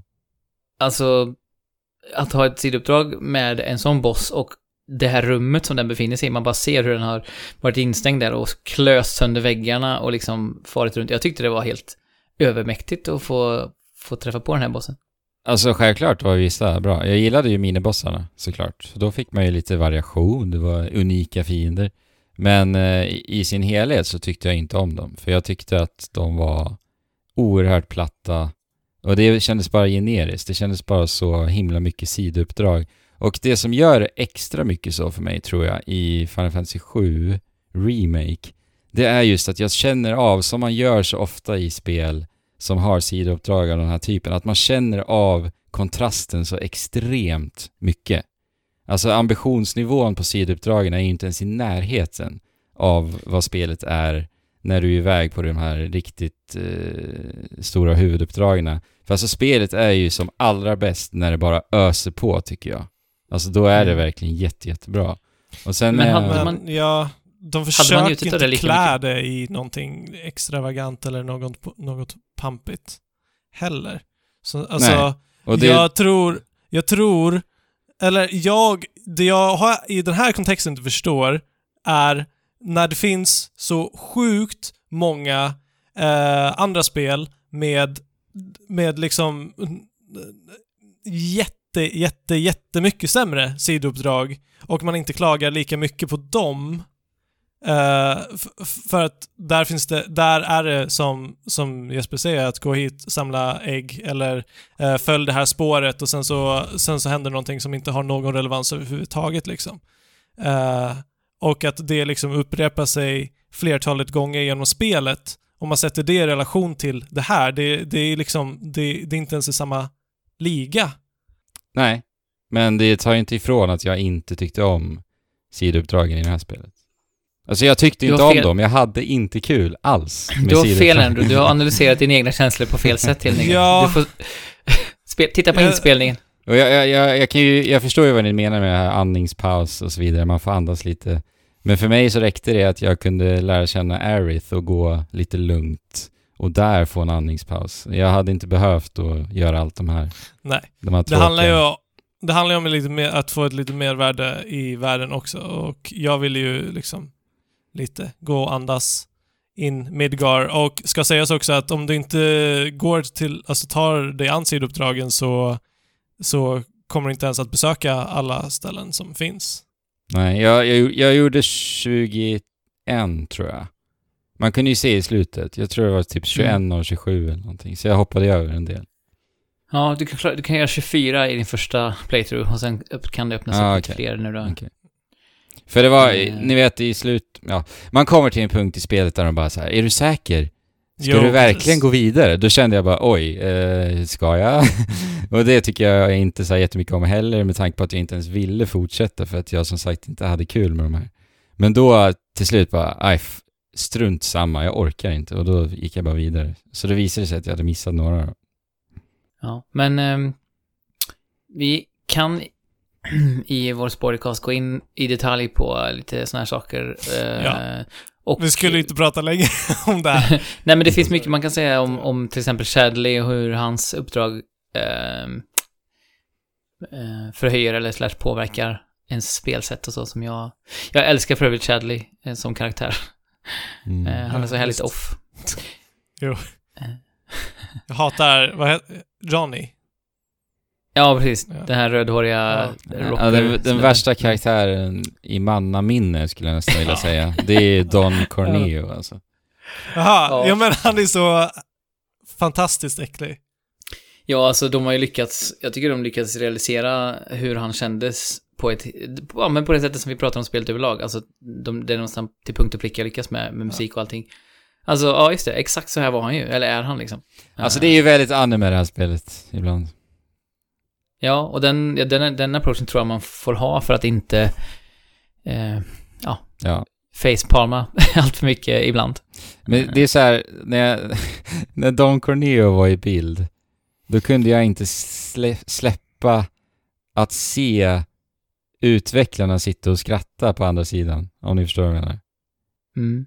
Det var, kändes bara så äckligt liksom, att folk har Jo, suttit men- och skapat den här karaktären. Jag kan inte, jo, jag ja, kan inte, ja. Mm. det är jätteäckligt och alltså jag fick ju bara, jag var ju bara illa till mods till honom. Jag tyckte inte han var rolig överhuvudtaget. Alltså, han Nej. ska ju inte vara rolig, han ska ju bara vara äcklig, Men, Jag tycker att- Ja. tycker jag. Jag tycker att eh, i det här spelet, i remaken, så gör de... Eh, alltså de speglar honom på det viset. Jag tycker i originalet så är det mer så här, aha, kolla vilken eh, eh, tokig gubbe som står och juckar hela tiden liksom. Okej. Eh, m- m- han gör det liksom i originalet också. Åh, Men, eh, men här, här tycker jag de hela tiden, jag menar Leslie till exempel, den, finns, den karaktären finns ju inte i originalet. Jaha. Han, han sätter ju he, det i en helt annan kontext Mm. från första stund. Han säger ju liksom så här, ja men du ger dig inte in med Don Cornelius för han är ett as liksom. Eh, Fast att han är hans underhuggare så. Så jag tycker ändå att, och samma sak i scenen, eh, i scenerna med Cloud och eh, Tif- Tifa och Aerith så tycker jag att man hela tiden har den här äckelgubbe-känslan. Inte så här, alltså som det är till exempel um, Dragon Quest 11 så finns det ju liksom så här karaktärer som är, en, Ja, ja, ens, vad det är, morfar eller vad det är, eh, som samlar på typ porrtidningar.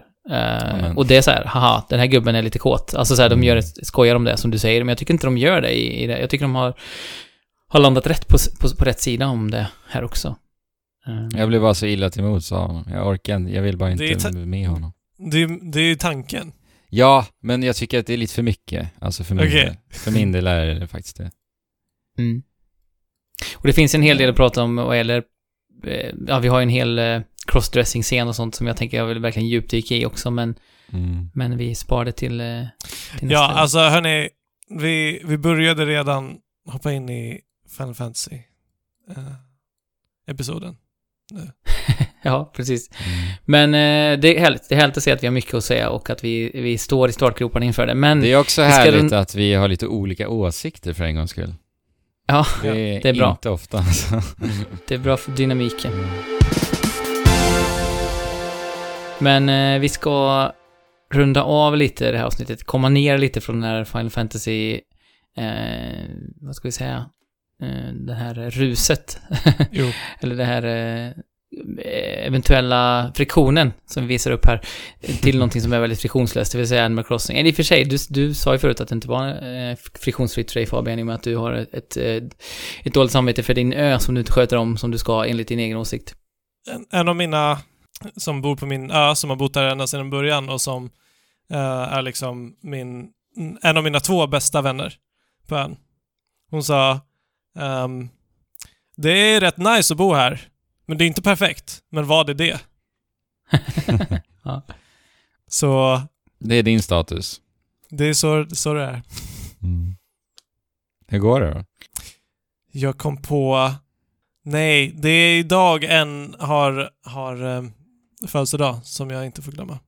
Paolo. Vad är Fönsterdag? Paolo för, Vad sa du? vad är Paolo för djur? Elefant. Ah. Mhm. En elefant. En tjock elefant som älskar mat. Han är Men inte du min sa, favorit. du sa eh, födelsedag som sagt, Andrew. Lite förvånat. Nej, jag trodde han sa fönsterdag. Jag bara, Ah, nej. Fan. Nej, det är födelsedag. Födelsedag, ja. Just det. Så. Men du får, efter det här så får du gå och fira Paolo då. Mm. Det ska jag göra. Jag tror inte att han har så många vänner.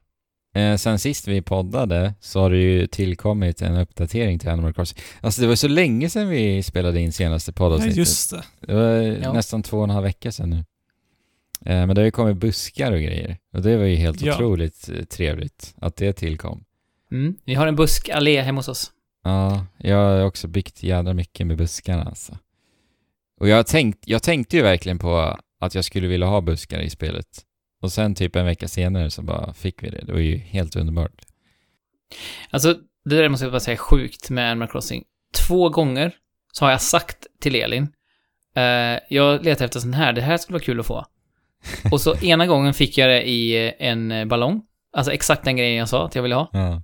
Alltså minuter senare. Eh, och nästa gång fick jag ett, eh, ett paket på posten tror jag från någon så här random mamma eller någonting sånt liksom. Fick jag det, det jag ville ha. Så jag är lite så här, hmm, Använder Är det de som- mikrofonen? exakt, är det som Google liksom? Lyssna på allting jag gör hela tiden och säger eller vad är, vad är grejen? För det har varit nästan kusligt alltså. Får testa det. Du får hårdtesta det. ja.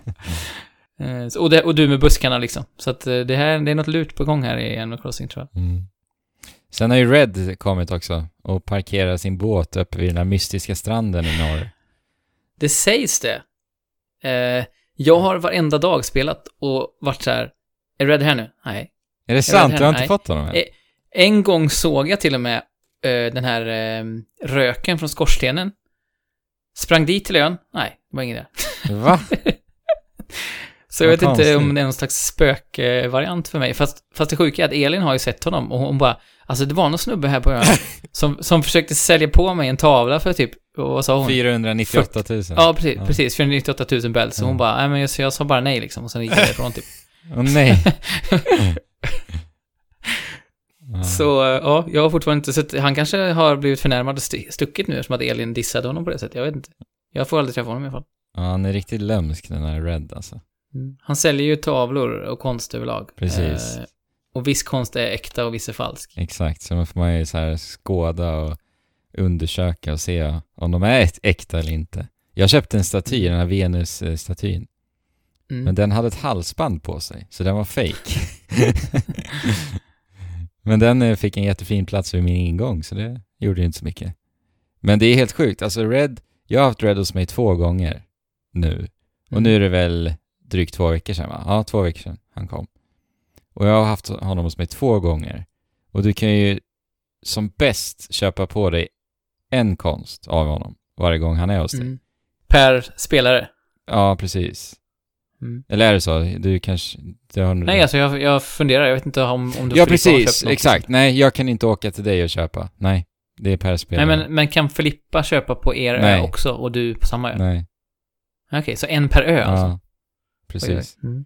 Så ni kan ju tänka er hur lång tid det här kommer ta. Jag antar väl att han kanske till slut kommer öppna upp sig lite. Ah, okej, nu kan du köpa två. Okej, nu kan du köpa tre. antar jag. Annars kommer det ju ta år, känns det som. Men, Samla hela samlingen. ja, för nu är det ju en ny del i museet också. Mm. konstdelen. Va? Supertrevligt ju. Jag, alltså, jag har insett så här, hela collectible-delen i Animal Crossing, det är ju så fantastiskt. Det är ju typ det bästa jävla collectible i ett spel någonsin alltså. Jag älskar att säga hur, hur det bara byggs på. Alltså du, du lämnar in, donerar till museet, men det är inte bara det du faktiskt donerar som syns, utan det byggs ju på, vad säger man, Kul- Miljön. kulisser, ja exakt, miljön också.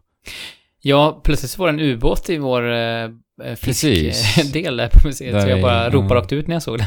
Visst är det härligt alltså? Mm. Ropa rakt ut. ja, men jag, jag spelade, Elin var med också, så det var inte bara som att jag ropade, satt hemma själv och bara “Titta en ubåt!” Ja. Utan Elin var där också.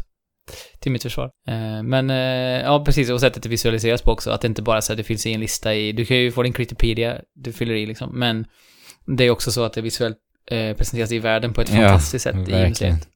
Och musiken är så härlig där inne också.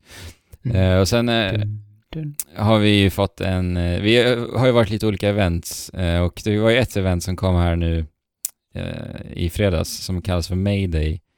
Mayday. Och då fick Mm. man en eh, unik biljett för att bege sig iväg till en liten eh, unik ö då. Och på den här ön så fick man en liten labyrintutmaning. Precis. Och den var ju lite trevlig ändå alltså. Måste jag ju säga. det var ju lätt, det var ju lätt att göra paralleller till eh, Breath of the Wild där. Eller hur? Eventide Island. Ja, jag vill säga kohlint, men det är någonting annat. Eh, Mm. Ja, för det handlar ju om man blir av med alla sina grejer på samma sätt som man blir på Eventide. Precis. Eh, och sen så ska du då, genom att plocka upp saker i den här labyrinten, eh, pusslar dig fram till slutdestinationen som är Ro- Rover, som är Mm. en klassisk Animal Crossing-karaktär. Precis. Som var saknad ändå i New Horizons. Ja, och som också nämner lite sådär när man träffar honom att, eller honom, jag vet inte om det är honom, men eh, när man träffar den så säger den så här, ja, Glitterön som Åre heter. Det låter ju som ett ställe man borde vara på, typ. Just det. Eh, Någonting sånt till. Så att eh, man kan väl tänka sig att Rover kommer tillbaka. Ja, precis. Har du kört ön, Fabian? Jajamän. Ni lyckades pussla er fram. Det var inte så, så, så himla Nej. svårt. Det var inte så svårt, men det var mysigt. Ja, men precis. Men lyckades ni lösa den nedre vänstra delen med de här eh, Mm. Eh, Ja. Bell Ja, vouchers? så För att- det gjorde, det gjorde inte jag. Så att alla var, så att alla var likadana. Ja, alla så. var liknande. Eller jag tror det, för att jag och min, min sambo hade samma. Så. Ja, jo. Mm. Ja, nej, det, Ja. Var, det var mysigt. Roligt att de gör lite så här problemlösning med, eh, med det här. Ja, precis. Väldigt så här eh, uppfinningsrikt att jobba med det man har. Och det har jag gjort. Jag har ju gjort en, eh, en hinderbana på vår ö. Som jag också jobbar lite med så här hål och pallar. Fick du lite stoppar över. idéer nu eller? Till den? Nej, jag, ja, kanske. Jag har inte gjort någonting med den sen dess, men eh, Mm. jag har ju lagt, jag har gjort en sån eh, design, så att jag har lagt gul, eller orange, eh, som löparbana liksom, och så har jag skrivit start och, eh, ja, på Nice. två så här startplattor och satt så här elljus och grejer. Åh nej, så kan man tävla ja, mot varandra. Vad kul. eh, precis. Har du ehm, byggt om eh, Nux Crania nu? Mm, nu är den uppgraderad butiken och eh, vi har Able Sisters butiken och vi, vi ska... Elin är ju, hon är ju helt klart den som spelar mest just nu av oss, vilket är väldigt härligt för att hon är ju inte en så stor konsolspelare annars, men... Men hon, eh, vi har bestämt att vi ska bygga om hela vår struktur på ön, så vi ska flytta om butikerna och sånt och göra ett butiksstråk nere vid stranden, och, så det blir en strandpromenad och liksom Ah, butiker i anslutning till varandra. Och hon har köpt så här lyktstolpar nu som hon ska sätta ut i förberedelse till det och så här. Så att, ja, det är vad väldigt... väldigt mycket planering just nu eh, eh, i vår familj kring hur vi ska ha vår ö. Ja, härligt alltså. Mm. Ja, jag håller på med en ankö på min ö. En anka. Mm. Vad, Vad- vad är en vad är detta? anka? Nej, men det ska vara en, en liten ö med lite eh, trevlig dekoration och sen ska jag ha en drös med ankor på ön. Mm. Hur då? Vad då för ankor? Nej, Det finns ett föremål som är så här. Jag tror de heter Decoy Duck, tror jag de heter. Ja, jo, de har jag. Eller de kan jag göra. Och du kan ju customisa Köpa. dem ju. Så att Aha. de, de finns i sex olika varianter. Aha, så att de ser ut som olika Precis. fåglar. Så jag har en liten ankö. Jag älskar de där ankorna, jag Ja, vet vad inte vad det är med dem.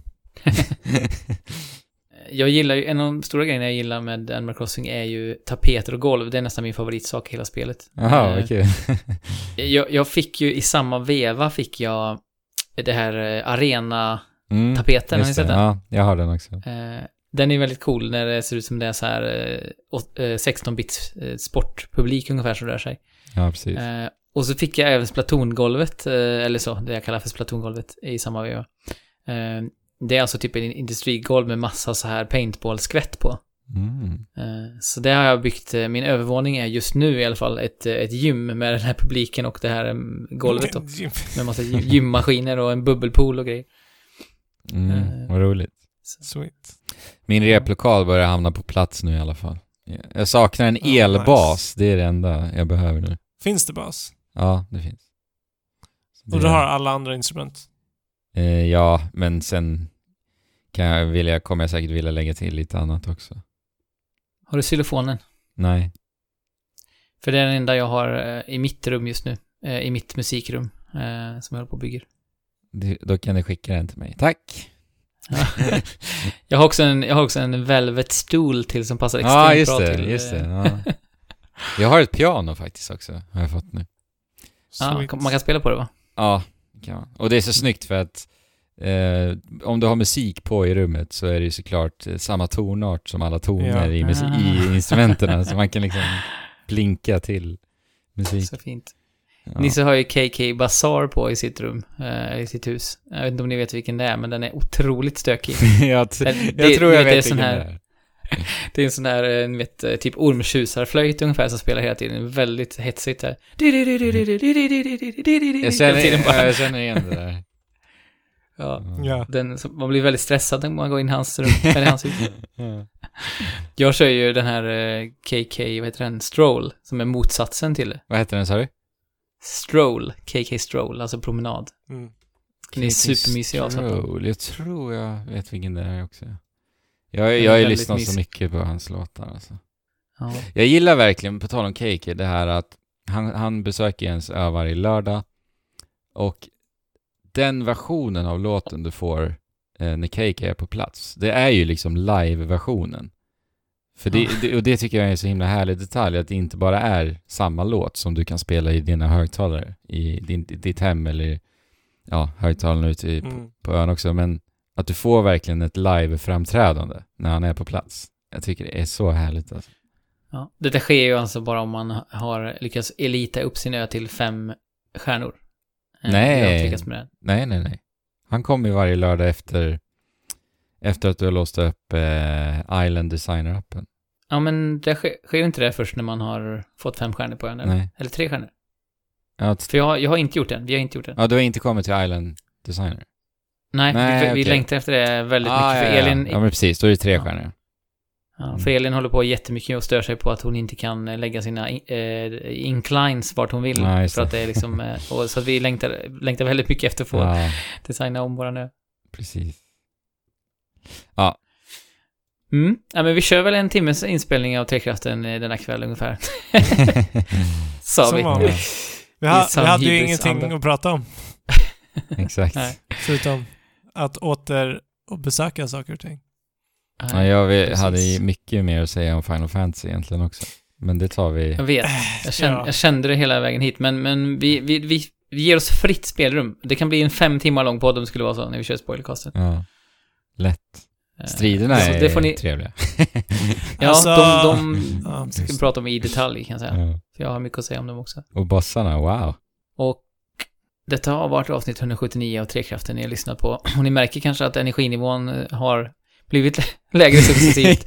Men Ja, det, det, passar, det, passar, det passar ganska bra, för vi avrundar ändå med ett spel som är eh, väldigt sådär våggungigt Mm. på något vis. Så gå med i vår Discord, alltså Animal Crossing, eh, diskussionerna eh, flödar hej vilt fortfarande. Jag har inte sett maken till sen jag kom med på, på vår Discord. Eh, ett spel som har hållit i sig så länge och så mycket olika saker. Vi hade ju en cosplay-tävling här Ja, i, dagarna till så- exempel. Mm. Så jäkla nice att de bara fixar. Mm. Eh, det var vår lyssnare och eh, systerpoddare Konrad Dargo, eh, Thomas, eh, som har eh, eh, tillsammans med Pajlen har eh, Monsterpepp-podden. Monster Hunter-podden. Ja. Eh, och eh, som gjorde, satte ihop en cosplay-tävling. Och eh, den vanns ju av Ash från Pokémon. Just det. Och användaren som heter Cool... Vadå? Cool, Cool Stuff. cool stuff. Ja, eller good, Ja. good eller cool. Det här borde, det får vi kolla upp nu när vi pratar om det. Vi måste ge en shout-out känner jag. ja, Eh, ska vi se. Eh, good stuff. Good stuff, Mm. sorry. Mm. Bra jobbat. Han drog ju, kammade ju också hem eh, prispotten på, vad var det, 200 000 bells. Just det. Och eh, Ida, min eh, kompanjon i Öppna Världar, eh, klädde sig till korv såklart. Ja! Eh, och kom tvåa i tävlingen.